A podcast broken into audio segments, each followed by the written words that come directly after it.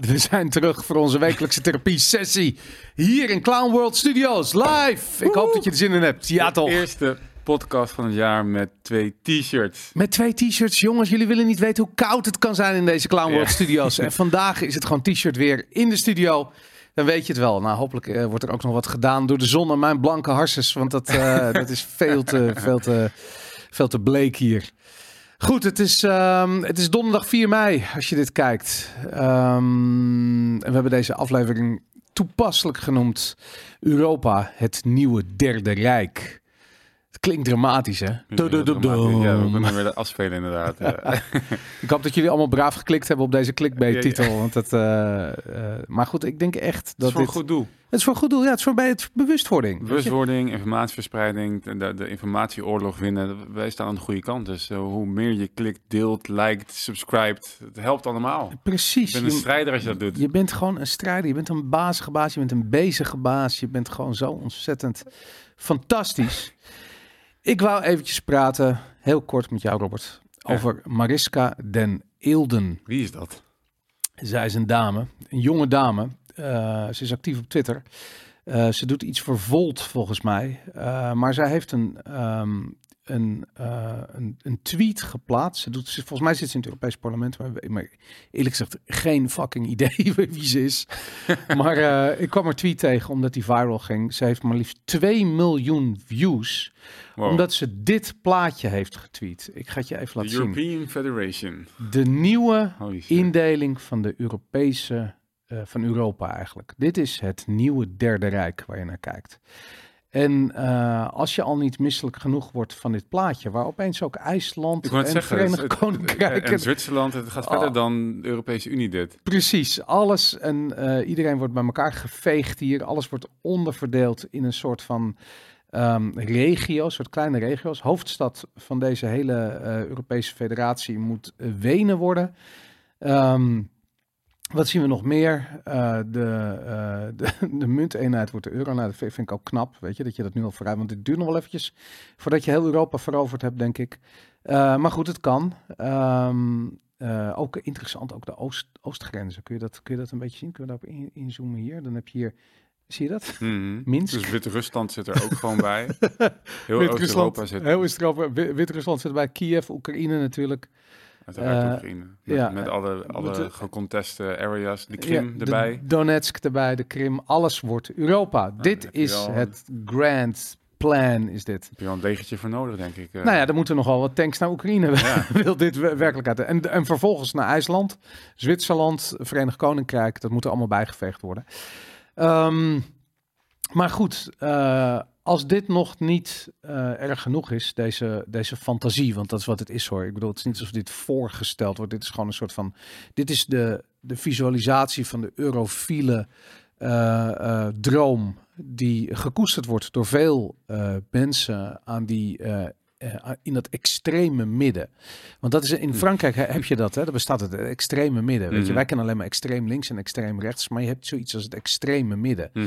En de Fransen gebruiken die term heel veel. En eh, dat is wat D66 en Volt zijn. Dat zijn extreme partijen die zich in het midden van het politieke spectrum eh, Mhm. bevinden. En die, die komen dus met dit soort ehm, ja, Tweede Wereldoorlog propaganda. Want dat is wat het is eigenlijk, gewoon het nieuwe Derde Rijk. Ik vond het heel, heel sprekend, want ze deelde, voor mij, Mariska Den, weet ik veel wie, die, eh, Den Elden, ja. die dat deelde, die deelde een van de eerste ehm, ehm, opmerkingen was integratie is de toekomst. En dan, en Ja. dan een nieuwsbericht van de integratie van het Nederlandse en het Duitse leger. Ja, dat Nederlandse, het Nederlandse leger geïntegreerd is in het Ja, Duitse leger. Wat Ja. er voor een heel groot deel natuurlijk al heel lang zo is. Ik weet in ieder geval van een, een, een Dat noemt ze een milestone. Noemt Ja. dat, ja. van een jeugdging dat zeg maar dat toen Ja. die zat bij de mariniers en die zei dat eh, Europa of dat Nederland heel nauw samenwerkte met, met werkte met Duitsland. Dat is dus al 20, dat is echt al 20 jaar geleden denk ik. Ja.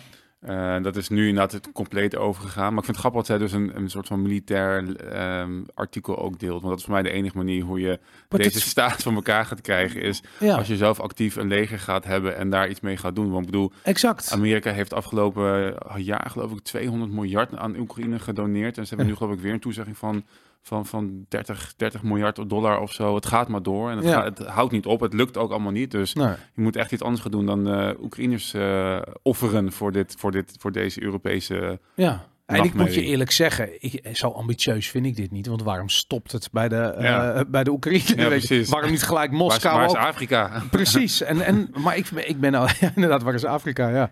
Ik bedoel, dat waren de, de naties waren, ehm, waren ambitieuzer, denk Ja, ik. Maar goed, Een beetje lafjes. dit was lafjes inderdaad. Maar goed, waarom eh, die vergelijking met, met die naties? Misschien kunnen we nog heel eventjes het beeld laten zien van deze, ik ben een beetje ingezoomd hier. Ehm zij heeft er een tekst bij gedaan. En ik wou er heel even wat over voorlezen. Ehm,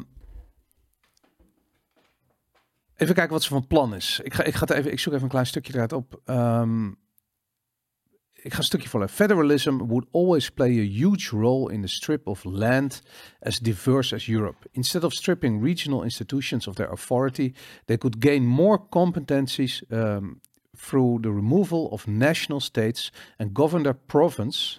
Je wordt Nederland wordt de provincie. More according to individual and specific needs. Needs is interessant. Mhm, Want je zou zeggen, als je dat leest, denk je van ja, maar dat zijn onze needs. mhm. Maar je moet het meer vanuit Europa zien. Het zijn Europa's needs waar zij het over Hmm. heeft. En we gaan zo een aantal voorbeelden geven hoe je nu in Europa ziet dat bepaalde regelgeving dus eh, voldoet aan die Europese needs. Ehm, en wat zij eigenlijk zegt, ze zegt van ja, wat we nu kunnen doen, van het, is, het zou een beetje autoritair zijn eigenlijk om in heel Europa top-down eh, eh, een soort van een, een, een totalitair regime uit te rollen. Maar wat gaan ze doen? Ze gaan gewoon kijken waar zijn de needs voor die totalitaire eh, staat. wie heeft welke provincie- nodig? Wie heeft dat het hardste nodig? Weet je, welke provincies moeten het hardst in de, eh, eh, hoe noem je dat, in, in, de, in het stramien worden geramd, weet je? En daar kun je dan die tanks naartoe sturen en dan kan je dat dan doen. Ehm, ze gaat door, want dankzij deze nieuwe indeling van Europa eh, kunnen policies can be implemented way more efficient. Many citizens have grown tired of democracy and the system is certainly intensely flawed. One way to improve upon it would be to move away from opinion-based policies and instead towards fact-based policies. Nou, sorry. Het grappige is, weet je hoeveel mensen hier zeg maar gewoon denken, ja, maar dat is toch een goed idee? Joh, eh, die comments onder haar post. Het is allemaal, ik hoop dat het waar wordt. Dit is Ja. mijn droom. Ik denk van tering, die indoctrinatie in universiteiten is gewoon geslaagd. Ja. Weet je. Deze mensen zijn knettergek. Fact-based policies. Dus niet meer opinion-based policies, fact-based. Hoe krijg je het uit je strot, weet je? Mhm. De afgelopen twee, drie jaar, het is, we zijn gebombardeerd met fake nieuws vanuit de overheid. En dan noemen ze dat fact-based policies. Hun feiten, hun needs. Niet jouw mening doet er meer langer toe. Het zijn de feiten vanuit de hoofdstad in Europa, Wenen dus in de toekomst opgelegd aan alle Europese provincies. En als je het er niet mee eens bent, dan is er geen ruimte meer voor je opinion-based policies. Nee, dan krijg je te maken met je fact-based policies. En wat is een fact-based policy? Heel simpel, dat is een kogel in je hoofd. Ik zeg het een beetje hard, maar dat is een feit. dat is waar dit naartoe gaat. Weet je, want we zijn, je bent met dit plan een, een, een laat ik het netjes houden, een centimeter verwijderd van de concentratiekampen. Mhm. Dat is fact-based policies namelijk. Een soort van je, er is niet meer de waarheid wordt opgelegd van bovenaf. Je hebt ermee te dealen. Dat zijn de feiten waar je mee te dealen hebt. En als je het niet mee eens bent, dan krijg je te maken met de needs van de Europese centrale regering.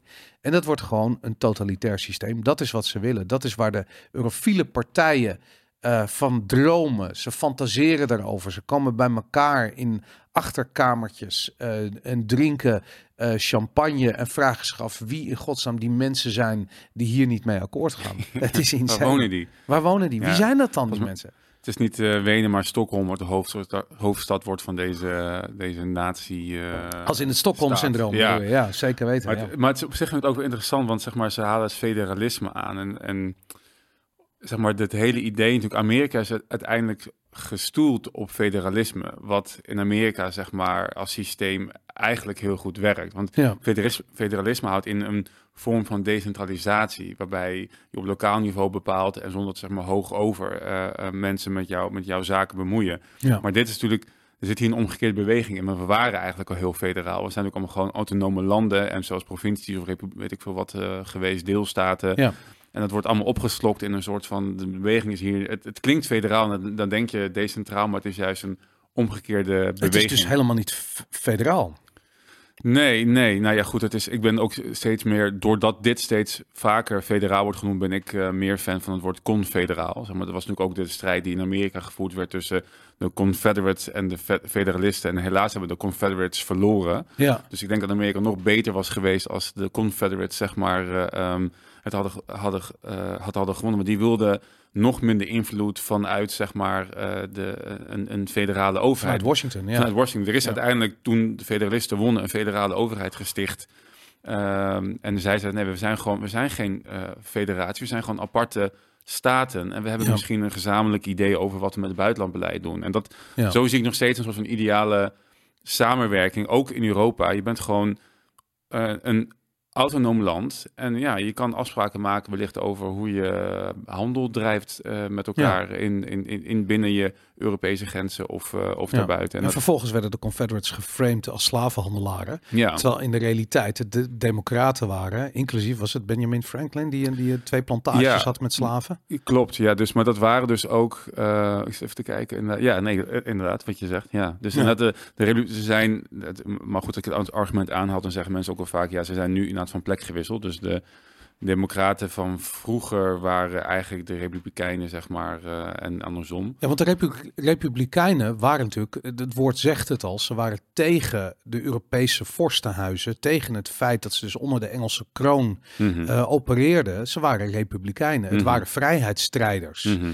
Eh, en nu heb je zoiets van, ja, maar het zijn conservatisten, weet je. Mhm. Het zijn eh, conservatieve mensen. Zitten die- er ook tussen, ja. Ja, en dat is en en eh, ik, ik vond dat moeilijk toen ik voor het eerst het libertarisme dat ik daar kennis mee maakte, vond ik het heel moeilijk om te begrijpen ehm, hoe een conservatieve mindset te verenigen is met een anarchistische mindset. ja. Totdat je je realiseert dat die shotguns die je achter in je pick-up truck hebt liggen, of die je aan het raampje hebt hangen, dat die als doel hebben om jouw grondrechten te beschermen, niet om iemand anders te intimideren. En dat was iets dat, eh, dat muntje viel later pas. Mhm. Weet je, dat ik dacht van ja, maar dit, is, dit, dit gaat om zelfbescherming. Mhm. En, dat, eh, en je denkt altijd van ja, maar waarom zou ik zelfbescherming nodig hebben als de staat mij beschermt? Mhm. En toen ging, je- ging ik opeens zien van, maar de staat beschermt je eigenlijk helemaal niet. De staat beschermt zichzelf.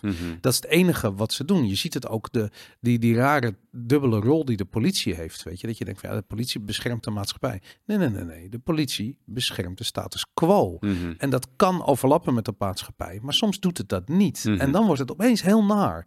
En dat zie je op het moment dat je bij een of andere eh, demonstratie aanwezig bent. En je ziet gewoon iedereen in elkaar geknuppeld worden. eh, die ongewapend eh, eh, ehm, ja, een, een mening verkondigt die niet voldoet aan de needs van, van het maar- establishment. moet je maar aan de feiten houden. Ja, precies. Nou, dan krijg je- Ja, maar dan krijg je dus te maken met fact-based policies. Ja, precies, dat, is, dat, is gewoon die knuppel in je Wa- nek. Ja. Waterstokken, ja. Het is echt... maar dat...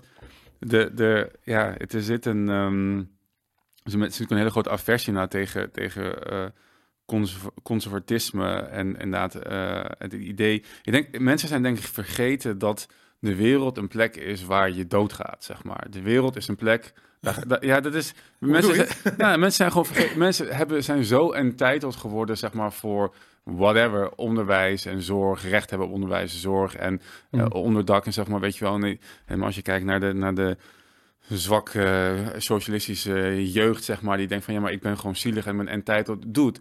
Als er niemand was, als er geen werker was die je huis had gebouwd, die jouw eten had, ge- had Ja. eh, verzorgd en je moest, je, dan was je gewoon dood gegaan. Weet Ja. je? De natuur, de, de status quo natuur is gewoon, als je niks doet aan het verbeteren van jouw leefomstandigheden, dan ga je dood. Ja. En er hebben, zijn er heel veel mensen die hebben daar zeg maar jaren aan gewerkt.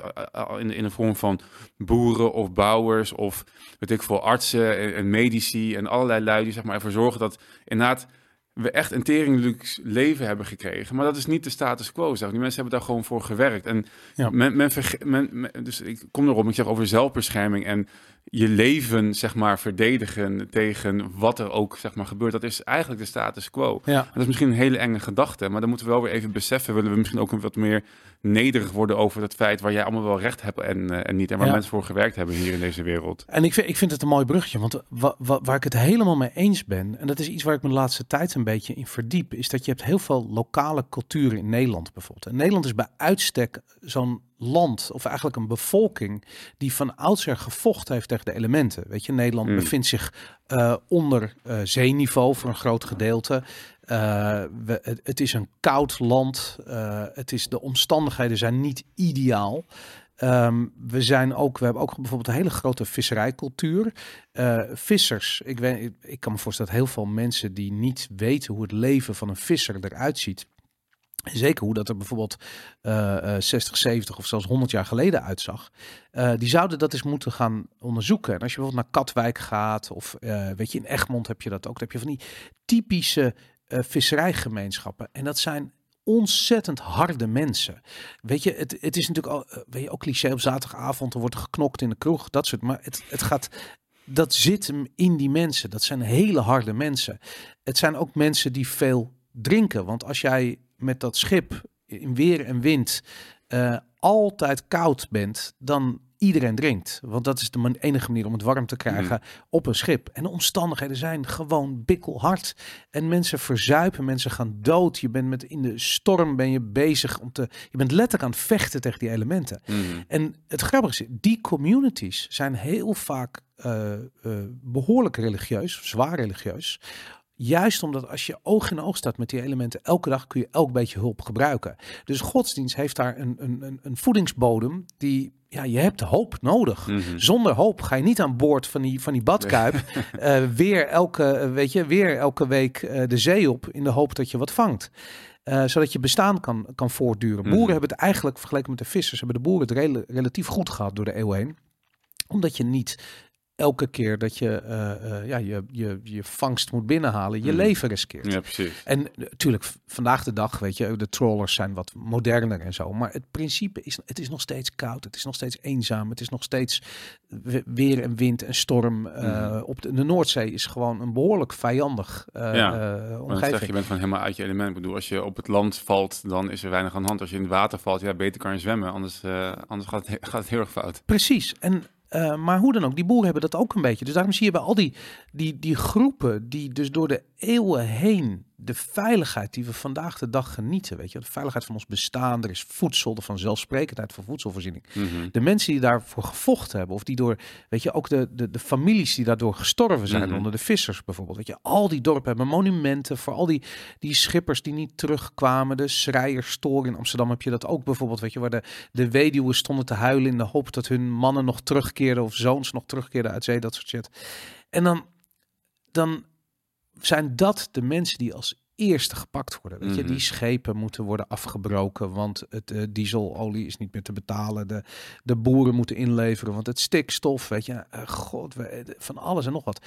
En dan en bij die bij die gemeenschappen hoor je gewoon de de de, de hoe noem je dat de de schreeuw van onrechtvaardigheid. Mhm. Weet je, een soort van al die offers die ze gebracht hebben voor onze veiligheid en ze gaan als eerste tegen de muur. Mhm. Het is echt bizar. Ja, en ik heb het idee dat politici zitten gewoon, komen uit diezelfde socialistische jeugd, zeg maar. Die denken ook dat je alles met een pennenstreek gewoon maar voor elkaar kan krijgen. Ja. En we, het eten hoeft niet meer hier vandaan te komen, dat halen we gewoon daar.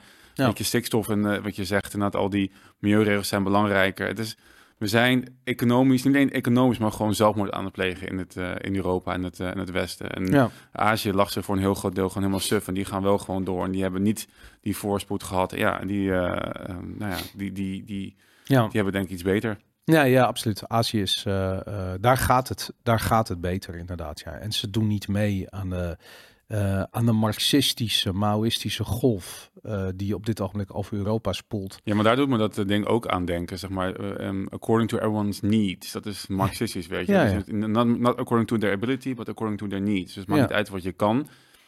Is het uitgangspunt van communisme, van marxisme. Maar het gaat erom wat je nodig hebt. Ja. Dus ja, en dat, nou goed, dat, dat, dat, dat, zo spreekt zij ook. En het is interessant hè, dat je, kijk, je kan een boel zeggen, maar China is natuurlijk een communistisch land. Ja. Eh, het is ook een autoritair land. Mhm. En je, je merkt bij die, ik bedoel, bij, bij landen die zo geleid worden, is de omslag is heel makkelijk. Weet je, een soort van aan de ene kant, het ene moment, weet je, is het communisme wat gebruikt wordt om het volk in het geheel te krijgen. Maar het staatsapparaat is natuurlijk gewoon het monster. En, en het maakt niet uit onder welke vlag het opereert. Mhm. Het doet steeds hetzelfde. Ja. En ehm, ja, ik denk dat je in China natuurlijk eenzelfde soort eh, beweging hebt gehad. Ehm, alleen daar is toch op een of andere manier de productie staat centraler in die economie. Mhm. Er wordt gewoon meer geproduceerd daar. Weet je, Mhm. de visserschepen worden niet eh, onteigend door de overheid. Eh, de boeren worden niet onteigend. Weet je, dat heb je daar niet op die manier, denk ik. Ik bedoel, ik ben absoluut geen Jawel, China eh, jawel. Ja, tenminste, je, ehm, ik bedoel, die, die hele ghost cities die zij gebouwd hebben, zeg maar, omdat ze vonden dat mensen uit de stad weg, weg moesten trekken, die zijn ook gewoon zonder natuurlijk eh, oog voor eigendomsrechten, zeg maar, gebouwd. Dus als er boeren of andere mensen zaten, zeg maar, ja, je moest gewoon, je moest gewoon vertrekken en zij gingen er bouwen wat, wat, je, Ja, wat je wilde. En er is een, er is, ja, er is ook beleids, vooral beleidstechnisch ook, zeg maar, dus de, de, de incentive wordt gecreëerd om vanuit het platteland heel erg naar de, naar de stad eh, te trekken. Maar, dus Ja. dat is, de- ja, ik denk dat dat daar echt nog, nog harder aan toe gaat dan, eh, dan hier in, Ja. in, in Europa. Maar wat je daar hebt natuurlijk, het is een, ook een hele een Oosterse cultuur. Dus dat, eh, het, is, het is het voordeel dat ze inderdaad nog die productie, dat is waar, waar ze van leven. Dus dat wordt nu in ieder geval niet, zeg maar, uitgeband. En ehm, ja, het zijn gewoon mensen die het sneller voor het collectief, zeg maar, over hebben. En Ja. misschien daarom ook wat meer eh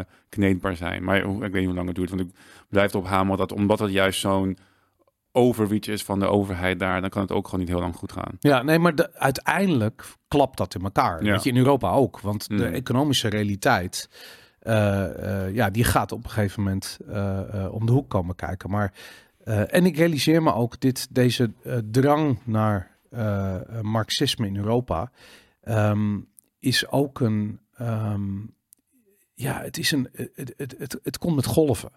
En er zit steeds 80 jaar tussen, weet je. En dan komt er weer een nieuwe poging onder een soort van, onder een soort van socialisme. En de nazi's waren socialisten. Dat begrijpen weinig mensen, omdat de grootste vijand van de nazi's in eerste instantie de communisten waren eh, en de marxisten.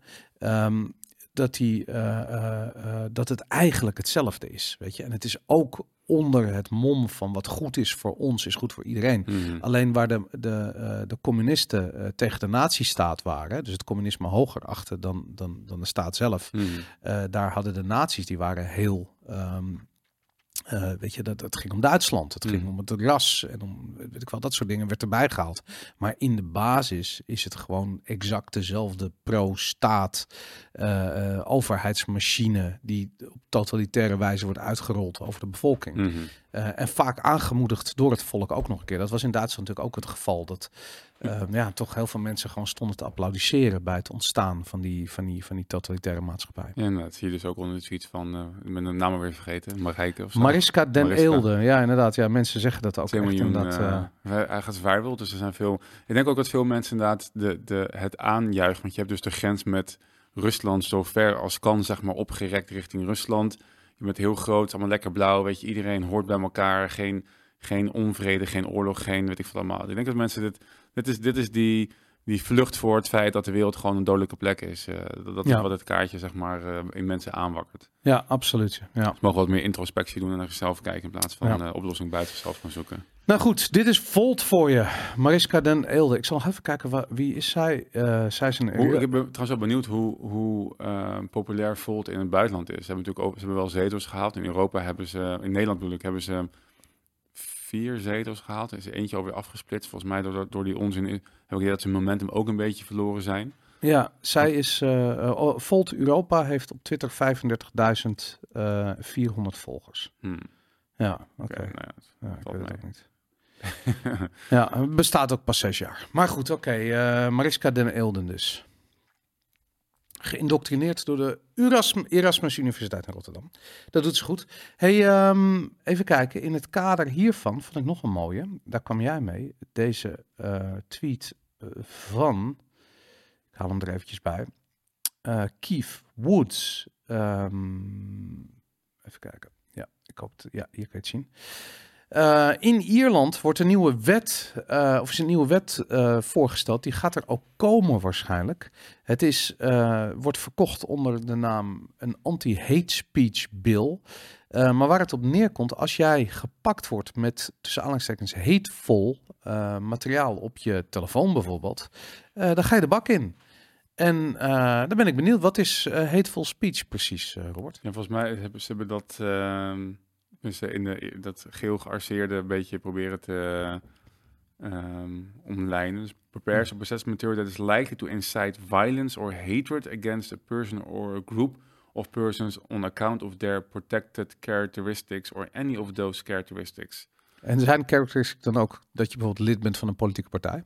Nou, dat, uh, dat of dat je onderdeel uitmaakt van elite, of misschien een bankier bent, bijvoorbeeld. Ja, en, maar sowieso natuurlijk de hele LBGTQI. Uh, Vanzelfsprekend, ja, maar daar, daar wordt het verkocht natuurlijk. Het wordt verkocht als dat je geen mening meer mag hebben anders dan de geldende mening over de indoctrinatie van je kinderen in scholen en op social media.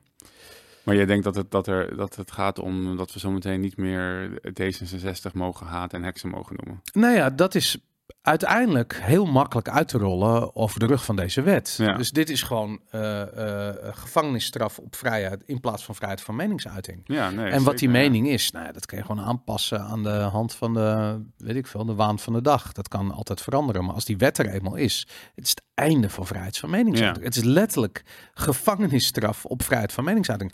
Ongeacht of je het ermee eens bent. Hè? Want je kan natuurlijk ook gewoon zeggen, van, ja, maar ik ben het heel erg eens dat gemarginaliseerde groepen niet beledigd mogen worden.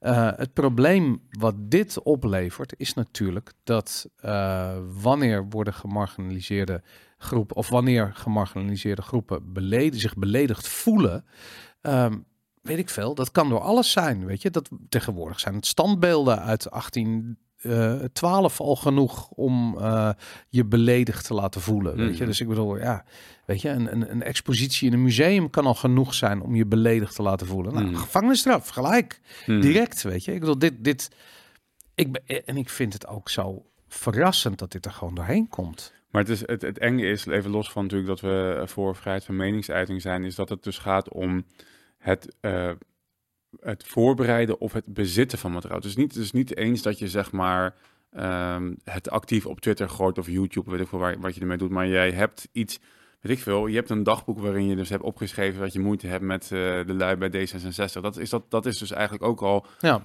uh, die kaart die we net gezien hebben. Ja. Ja, die, dat het de, nieuwe Derde Rijk noemen, ja. dat is gewoon ja, is klaar. gevangenisstraf. Als, als, deze wet in Nederland doorheen gaat, dan kunnen op basis van Viva Valentijn allemaal, alle twee direct voor 80 jaar de bak in. Ja, nou ja, dat, en dat, dat, is het, dat is het krankzinnige. Dat, dat is helemaal niet zo ver weg. In Ierland zijn ze daar nu al. Ja, en het, is, en het enge is dus en dat je dus het bezit, dus het is niet eens het, het er iets mee doen. Dus maar het zou ook betekenen journalisten die, die onderzoek doen naar, ja. weet ik veel, en je hebt, uh, je hebt, en je hebt dus weet ik veel, een aflevering van ons gedownload, dan ben je dus ook al strafbaar. Maar er zit ook dus, dat geeft hij ook aan, die uh, Keith Woods, die zegt dat uh, the person shall be presumed until the contrary is proved to have been in possession of the material in, in contravention of subsection 1. Ja. Dus je bent dus schuldig tot het tegendeel bewezen is. Is totaal. Maar hoe, hoe krijg je het voor elkaar? De, de, de, de, de grondbeginselen van onze rechtsstaat zijn namelijk dat je onschuldig bent tot het tegendeel is bewezen. Ja. Dat is een van de belangrijkste. Als je dat niet doet, dan kan je zeggen iedereen is schuldig. Ja. Iedereen is schuldig. Je gaat allemaal de bak in. Ga maar bewijzen dat je niet schuldig ja, bent. Precies. En om dat tegen te gaan, hebben ze gezegd van nee, iedereen is onschuldig totdat het tegendeel bewezen is. Ja, omdat je ook niet, uh, je kan een negatieve ook niet bewijzen. Zeg nee. maar. Dus je moet het, je moet het positieve, de schuld, uh, moet je, kan je wel bewijzen. Ja. Dus ja, dit, dit, dit is. Um, ik, ik zag ook een stemmingstaatje um, eronder staan, volgens mij voor een amendement, maar ik weet niet of het. Um, oh ja, hier zie je het uh, uh, Free Speech Island. Maar dat, ik weet niet of dat. dat is volgens mij tegen een bepaald amendement. Dus hebben ze tegen gestemd. Dus om, om het volgens mij in, in de ogen van Free Speech Island beter te maken. Dus de stemming zelf is maar nog niet geweest. Maar het is in ieder geval uh, het is heel, heel zorgwekkend. En de kans gezien deze de stemming op dit amendement, lijkt het of het er nou doorheen gaat komen? Nou, ik zie hier wel, uh, Ta is 53, dat lijkt me ja. Nil is 73. Ja, ja er is volgens mij, um, Of, of, of eh, vertaal ik dat verkeerd? Ja, nee, dat is helemaal goed. Maar er staat dus, wa- waar, waar stemmen ze tegen? Een amendement, dat staat erboven. Eh, eh, van, en staat er een, een Twitter-handle, to include the UN Convention on Human Rights Protections on Free Speech within the hate speech bill. En daar hebben ze tegen gestemd. Wow.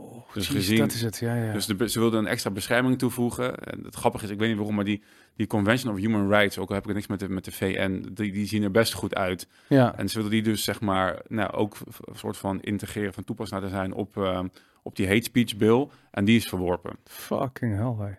Ongelooflijk. Nou, ik zou eh, serieus overwegen om te vertrekken uit Ierland als dit soort eh, shit hier ook wordt. En ik weet dat is makkelijker gezegd dan gedaan. Eh, maar dit is ehm, ja, op het moment dat vrijheid van meningsuiting verdwijnt. ehm, ja, zeker in deze tijden van digitale communicatie. ehm, Hoe, hoe ver mag vrijheid van meningsuiting gaan, vind je? Nou ja, ik vind dat je. ik vind dat je niet mag liegen. Mag niet, als in wettelijk niet of als moreel niet? Eh, moreel mag je niet liegen, denk ik. Ik vind wel dat je. ehm, Nooit? weet je, eigenlijk vind ik dat vrijheid van meningsuiting geen grenzen mag kennen. Ja, Want elke grens die je aanlegt is arbitrair. ja. Ja, dus ik denk, ik denk dat je gelijk hebt. Ik denk, eh, ja. Ik vind moreel gezien moet je niet liegen. Omdat als je liegt, dan bre- breek je jezelf af. Mhm. Uh, maar dat heeft natuurlijk niks te maken met waarheid of onwaarheid. Mhm. Weet je? Dat is gewoon wat, wat doet liegen met je als mens. Mhm. Maar dit, uh, ja, nee, misschien moeten er geen grenzen zijn aan uh, vrijheid van meningsuiting. Nou, ja, ik, ja dat, denk ik, uh, dat denk ik ook. En ik denk dat heel veel mensen dat een, ook weer een enge gedachte. maar dat is toch altijd al zo geweest? En als iemand dingen zegt waar je het niet mee eens bent, dan kun je toch gewoon zeggen van oké, okay, ik ben het daar niet mee eens. Die discussie is toch extreem belangrijk. Weet je, ik bedoel dat zelfs in Amerika, waar je een soort van ja, extreme groeperingen tegenover elkaar ziet. Weet je, gasten heel pro-abortus of tegen abortus of weet ik veel. En die, weet je, die zijn dan op straat met elkaar aan het discussiëren en aan het schreeuwen tegen elkaar. Weet je, en dan denk ik van oké, okay, de vorm waarin het plaatsvindt is misschien niet heel constructief. Maar, die, maar, die, maar, maar de discussie is wel heel constructief. Mhm. Het is gewoon belangrijk om twee partijen te kunnen laten discussiëren, of meerdere zelfs. Mhm. Weet je, en, en waar we nu naartoe gaan in Europa is dus zoals Mariska uh, ook in de, uh, in de uh, derde wereldvoorstel, uh, of derde rijk voorstel. wordt wel een derde wereld. wordt wel een derde wereld inderdaad, een derde rijk voorstel. Voorstelt is dat we dus weggaan van opinion-based politics. Met andere woorden, de discussie gaat weg. Nee, we gaan met fact-based policy. En de facts die worden door de staat ge, gedicteerd. Maar de, free speech is zo'n belangrijk element uh, van een vrij van mens zijn, zeg maar. Weet je, het is dus zelfs als je het vanuit Bijbels perspectief zou kijken, je hebt vrije wil, je hebt, je hebt weet je dat, dat daar valt niet aan te tornen. Ja. Je hebt vrijheid van meningsuiting en dat is allemaal nodig om een mening te kunnen vormen, om aan waarheidsvinding te kunnen doen, om gewoon uh, to make sense van wat er zeg maar gaande Ja. is. En dat en ik denk dat dat het absoluut is en dat je niet, niet aan mag tornen. En ik denk ook dat de meeste mensen niet echt problemen met zeg maar de, de het, het, wat jij nu zegt, zeg maar dat er dat er over abortus bijvoorbeeld, zeg maar, heel heftig wordt gediscussieerd. Maar het gaat mensen denk ik vooral omdat je, weet, weet ik veel, dingen als de Ku Klux Klan worden altijd aangehaald, weet je wel, van racisme en weet je, je mag Ja. iemand uitschelden om zijn, uh, om zijn huidskleur. Maar ik denk dus dat, en dat moreel gezien, denk ik van, ja, je bent uh, heel dom bezig als je het doet, maar, ik, maar wettelijk gezien zou ik daar geen, geen perk aan willen stellen, omdat, ik, omdat het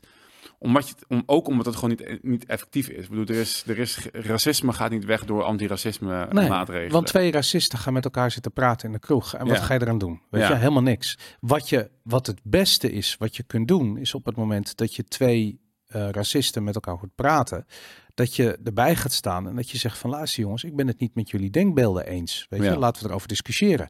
Dat kan op het moment dat vrijheid van meningsuiting bestaat. Met andere woorden, dat de racisten gewoon in de kroeg dat gesprek hebben. Nu, omdat het, eh, of tenminste in Ierland, omdat dat niet meer kan, gaan die racisten gaan met elkaar bij een racistenclubje. Ja. En die gaan underground met elkaar discussiëren. Dus daar kan niemand meer bij aanstaan die zegt van luister, dit wat jullie doen, het slaat nergens op. Weet je, het, Ja. is, het, het maakt geen sens.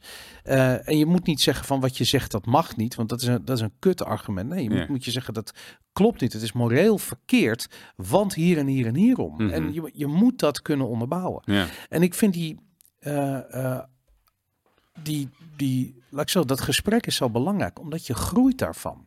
Ik wil, ik weet dat ik op, toen ik op de middelbare school zat, hadden we van die, van die vakken, hebben we het over gehad, eloquentia en dat soort dingen. Weet je, dat je dan je standpunt moest je dan goed kunnen uitleggen. Goed Nou, maar zo vet had ik niet. ja, nou, wij hadden dat dus. En, en dat leidt ook tot die discussies, weet je. En het is, weet je, je hebt twee dingen. Je leert aan de ene kant je, je, je punten formuleren. Aan de andere kant leer je ook discussiëren daarvan. Je leert je punten formuleren en je mening te onderbouwen. En je groeit daar als mens van. Want als jij jouw punt beter kan onderbouwen met betere argumenten, je kunt het beter formuleren, dan ga je de discussie winnen. Mhm. Maar dat betekent wel dat ik leer. Mhm. Weet je, je wint of je leert. Dat zijn, Ja. dat zijn de twee opties. En ehm, ja, ik weet niet, dat heb ik hier ook bij, weet je. Dat ik, dat ik zoiets heb van, ja, maar je, je neemt menselijke groei, neem je weg. Want de natuurlijke manier waarop mensen kennis vergaren, is door met elkaar te praten. Mhm. En dat neem je gewoon weg. Dat is gewoon, ja, dit, dit schaadt mensen enorm. Dit schaadt de groei van mensen. Dit is gewoon slecht. Maar ook vooral dat, dat, dat effect van vallen en opstaan inderdaad. Want dat is gewoon, dat is het algemeen gezien het leerproces. Iets wat, wat beroepspolitici ook altijd vergeten.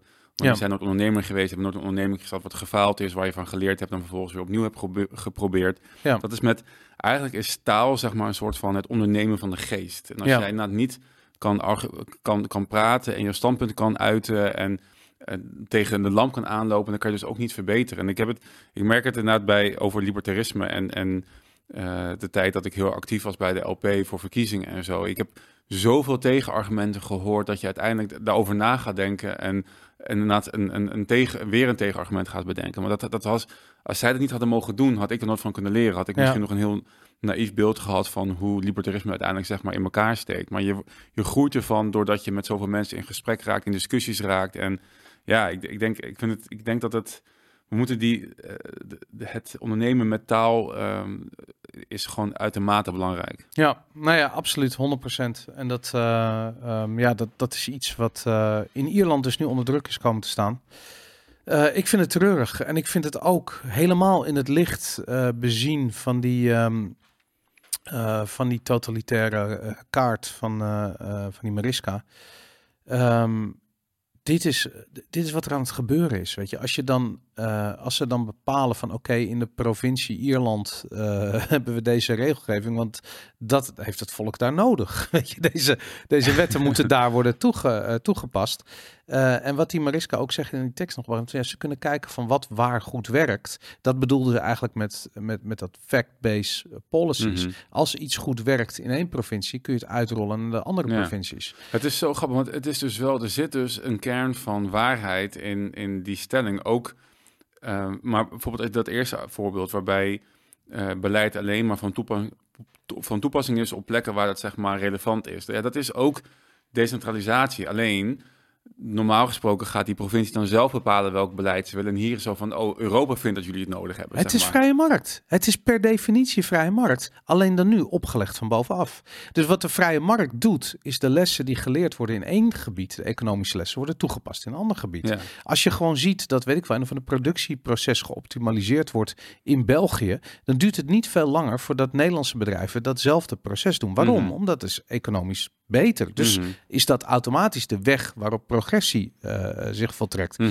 Maar als je dat gaat proberen op te leggen van bovenaf van hey, we zien dat het productieproces in België goed werkt. Nou, dan moeten we het in Nederland ook uitvoeren. Sorry, dat doet de vrije markt al. Dat hoef je als overheid Mhm. niet te doen. En dat is het, het vervelende, doet de overheid met alles. Weet je, ik bedoel, er zijn hele voorbeelden van gezondheidszorg waarbij de overheid probeert af te dwingen bijvoorbeeld wat gezondheid is. Weet je, van iedereen moet een bepaalde behandeling ondergaan, want dat is gezondheid. Dus laten we een regel maken dat iedereen dat moet doen. Weet je, terwijl Mhm. in feite, het is veel beter omdat de vrije markt. Weet je, introduceer eh, je behandeling en laten we kijken wat er gebeurt. Oh, mensen vallen massaal dood. Dus suddenly, eh, weet je, nou, misschien.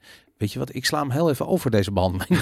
en dan, da- zo leert de vrije markt. Maar, maar dit, eh, het vervelende hiervan is de maatstaf waarmee berekend wordt of iets effectief is, die door de overheid bepaald. Terwijl die moet gewoon puur economisch zijn. Want als je namelijk iets anders erbij haalt dan de economische incentives, dan ga je dus politieke incentives eh, afdwingen. Mhm. En dat zijn altijd dingen als van nee, maar we vinden dat het eerlijker is als eh, eh, jullie deze productiemethode gebruiken of deze medische handbehandeling eh, gebruiken of je aan deze norm houden, weet je. En het argument is altijd hetzelfde. Ja, we doen het voor elkaar. We doen het niet voor elkaar. We doen het voor iemand die er belang van heeft, die op een of andere manier met zijn vingers in de, weet je, de politiek kan beïnvloeden.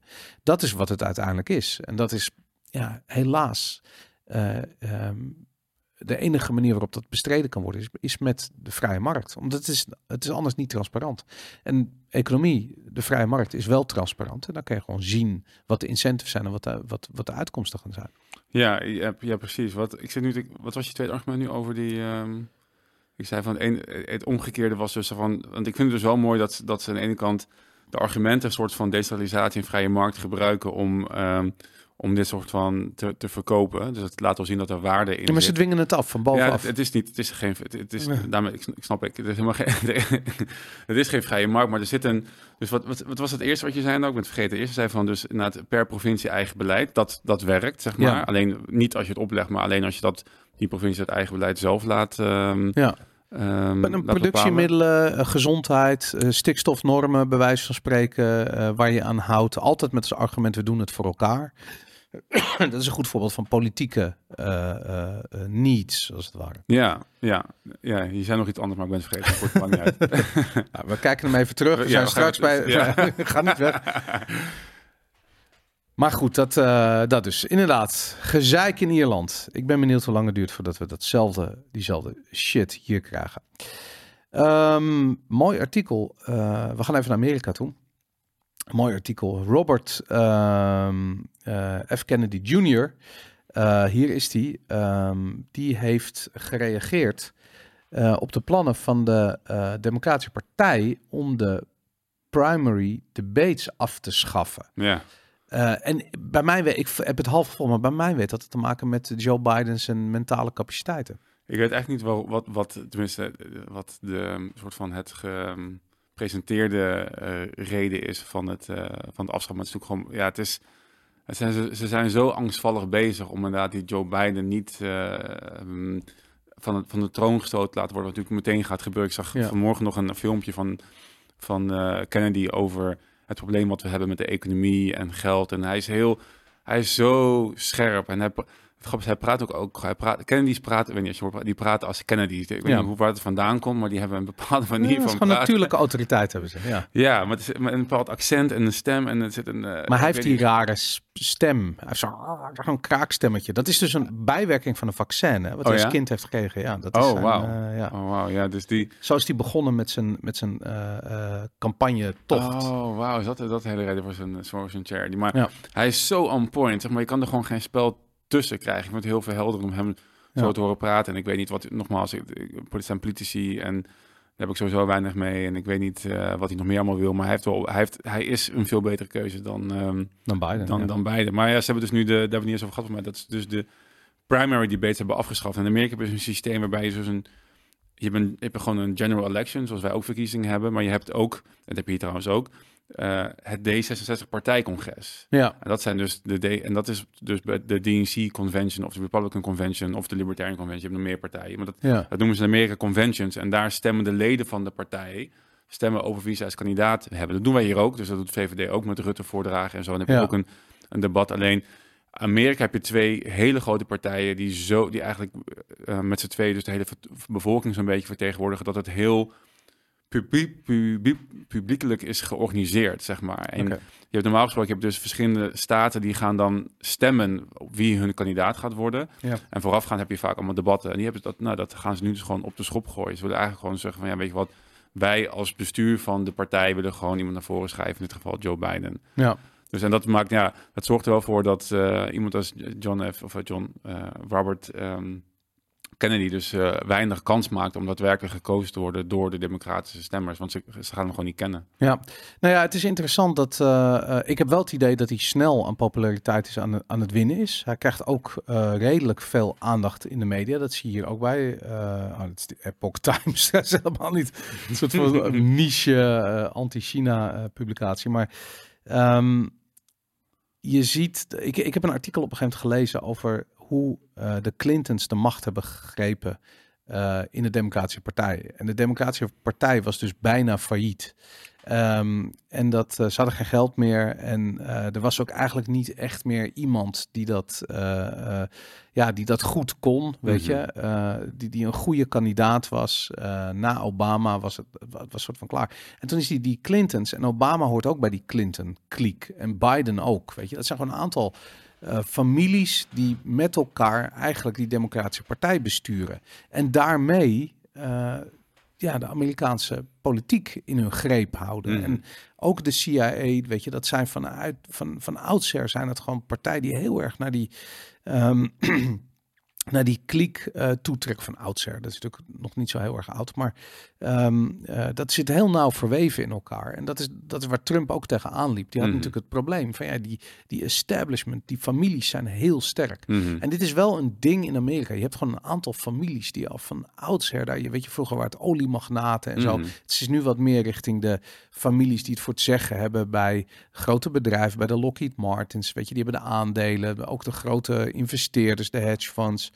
Ehm, maar goed, eh, eh, veel daarvan vind je terug in New York, in Massachusetts, in, in die, die regionen van Amerika. En dat is Mhm. waar die democraten zo groot zijn. Mhm. Dat, eh, ik vind het heel erg interessant dat je dus eigenlijk ziet dat die, die kliek wordt aangevallen, zowel van binnenuit door RFK Jr., maar ook van buitenuit natuurlijk door Trump en Mhm. door de Republikeinen. Dus interessant. Ja, zeker. Ja, en ik, ik, ik, heb, ik heb sowieso zin in die verkiezingen. Ik, ik weet niet wie er gaat winnen en het maakt waarschijnlijk heel weinig uit, maar het wordt sowieso weer echt een groot eh mediaspectakel. Het, het wordt eh, wel een, een clownshow natuurlijk weer van, eh, ja. Is wel grappig. Ik zag.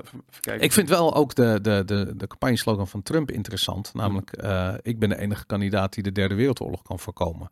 Dat Ik zoiets, hij is een beetje hard en een beetje kort door de bocht, maar misschien is het niet onwaar. En weet je. korte bocht werkt altijd. Hoe Daarom. korter- hoe korter, hoe beter. Ja, en dat is, hij, dat is zijn charme. Ik bedoel, hij is wel een, een hij kan wel een feestje geven, weet je. Dat, eh, ja. Is er nog wel een interessante tweet, dat is de laatste in de, onder dat kopje Amerika, die, ehm, dat ging over een andere kandidaat. Dat ging over de endorsements eh, van Trump versus DeSantis. Misschien, Ah, ma- misschien maak je ja. je niet blij mee als je dit, eh, Ja, dit, ik, dit gaat ik, zien. ik was best wel een DeSantis fan, maar ik zie dat hij het heel slecht doet.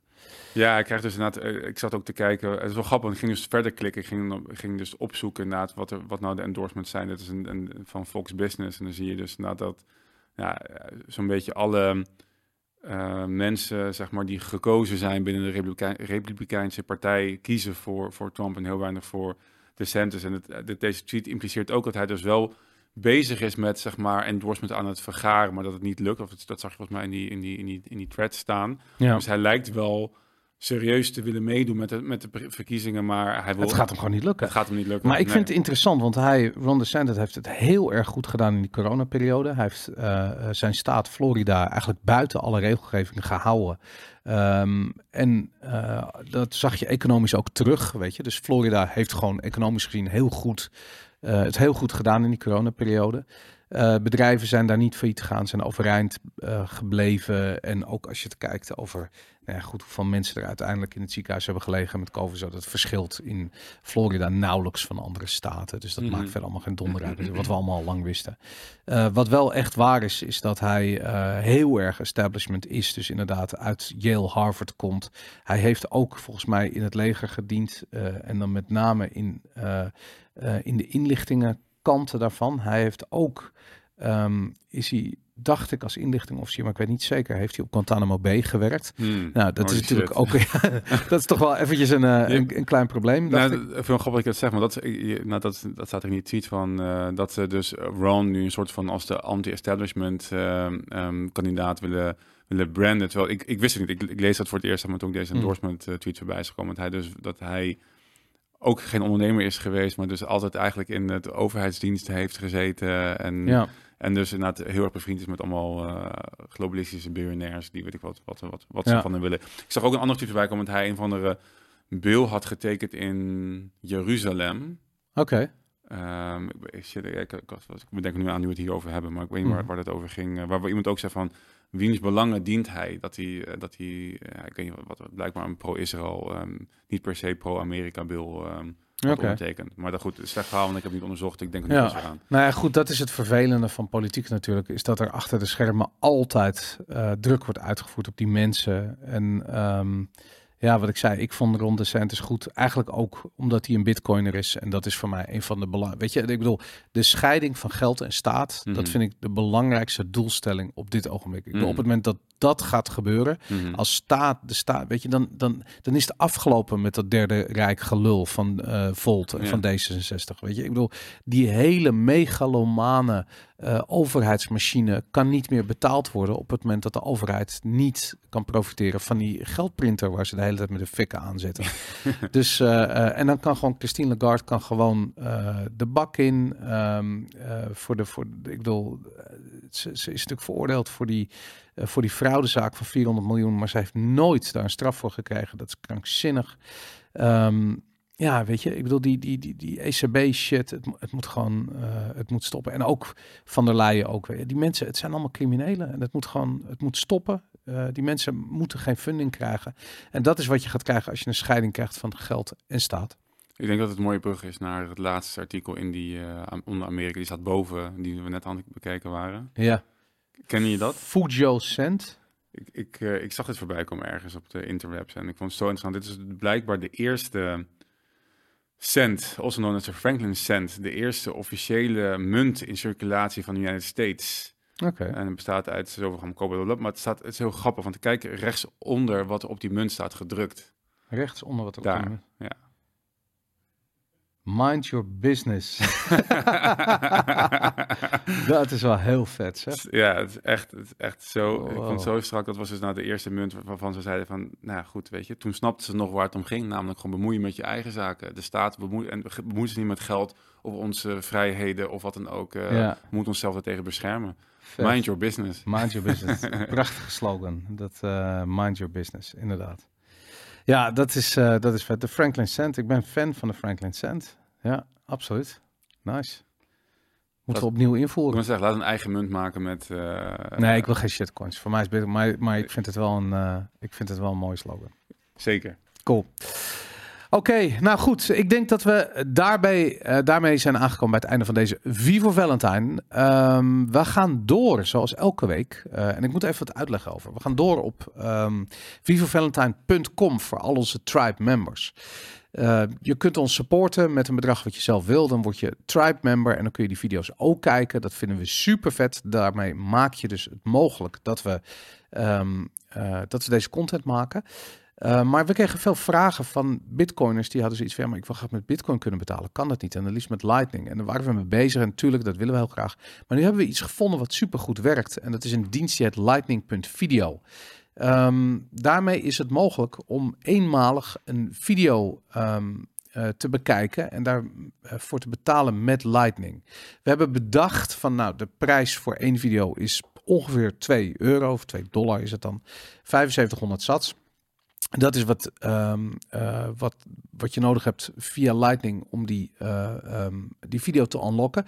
Dat werkt super simpel. Het is echt, uh, echt heel eenvoudig. En ik denk, nu ik dit zo zeg, had ik zoiets van, ja, ik zou dat eigenlijk even dat moeten laten zien. zien ja. dat, gaan we volgende week doen, want ik heb mijn telefoon hier niet. Vind je dat ik het nu moet doen? Moet ik, moet ik dat nu laten zien? Lukt dat? Ja, dat denk ik wel. Dat, dat gaan we gewoon doen. Even kijken. Dan gaan we gewoon naar Vivo Valentine toe. En dan uh, ga ik even mijn telefoon erbij pakken. Vivo Valentine. Gaan we gewoon laten zien. Zoveel tijd hebben we nog wel even. VivoValentine.com. Ga je naar onze website toe. Daar is hij. Kijk, daar is onze website. Ik heb, het, ik heb dat dit laat altijd wat langer aan. Ik had je toch uh, gemaild hierover dat, dat, uh, ja. dat ik daar tegenaan liep. Dat probeerde te hercreëren lukt het. En nu zie je opeens op onze iPad dat dat oh, probleem ja. zich voordoet. Live ben je um, getuige van mij geklaagd. geklaagd. Kijk, goed, bij de extra's, uh, daar zie je dus, um, uh, de, de uh, extra's staan er nu twee keer. Je hebt de Koninklijke Bloedgroep, 105 extra, en daarnaast de Koninklijke Bloedgroep met zo'n lightning tekenetje ervoor. Dat betekent dat je daarmee dus, dat is zo'n zo'n aflevering die je dus kunt kopen met lightning. Nou, zo zie je dat. Ik ga mijn telefoon er heel even bij pakken, die ligt hier. Kijk. En mijn telefoon, uh, nou dan klik ik op Unlock uh, with Bitcoin Lightning Network. Daar klik ik op en dan krijg ik een QR-code te zien. Ik unlock mijn telefoon. Ik gebruik Wallet of Satoshi. Um, dat is een uh, Bitcoin Lightning netwerk wallet. Eh, voor mensen die dat niet snappen, Lightning is iets, is eigenlijk een laag bovenop Bitcoin. Eh, in ieder geval maakt dat eh, betalingen heel snel eh, mogelijk. Ik ga, ik klik op send. Kijk, dan krijg je dit zien. Dat, dat kun je vast niet zien, maar dit is gewoon mijn camera die een ehm, eh, eh, QR-code kan scannen.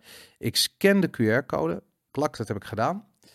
Dan kan ik 7500 sats. Kijk, en dan druk ik op. Nee, laat, laat, laat nog eventjes zien, alsjeblieft, eh, in de regie. eh dit, ja, dan klik ik Anders op zie je send. telefoon niet, toch? Of wel? Oh, dan zie je telefoon. Ja, misschien. even- even- Maar ik ga, ik ga het even laten zien. Ik klik nu op send.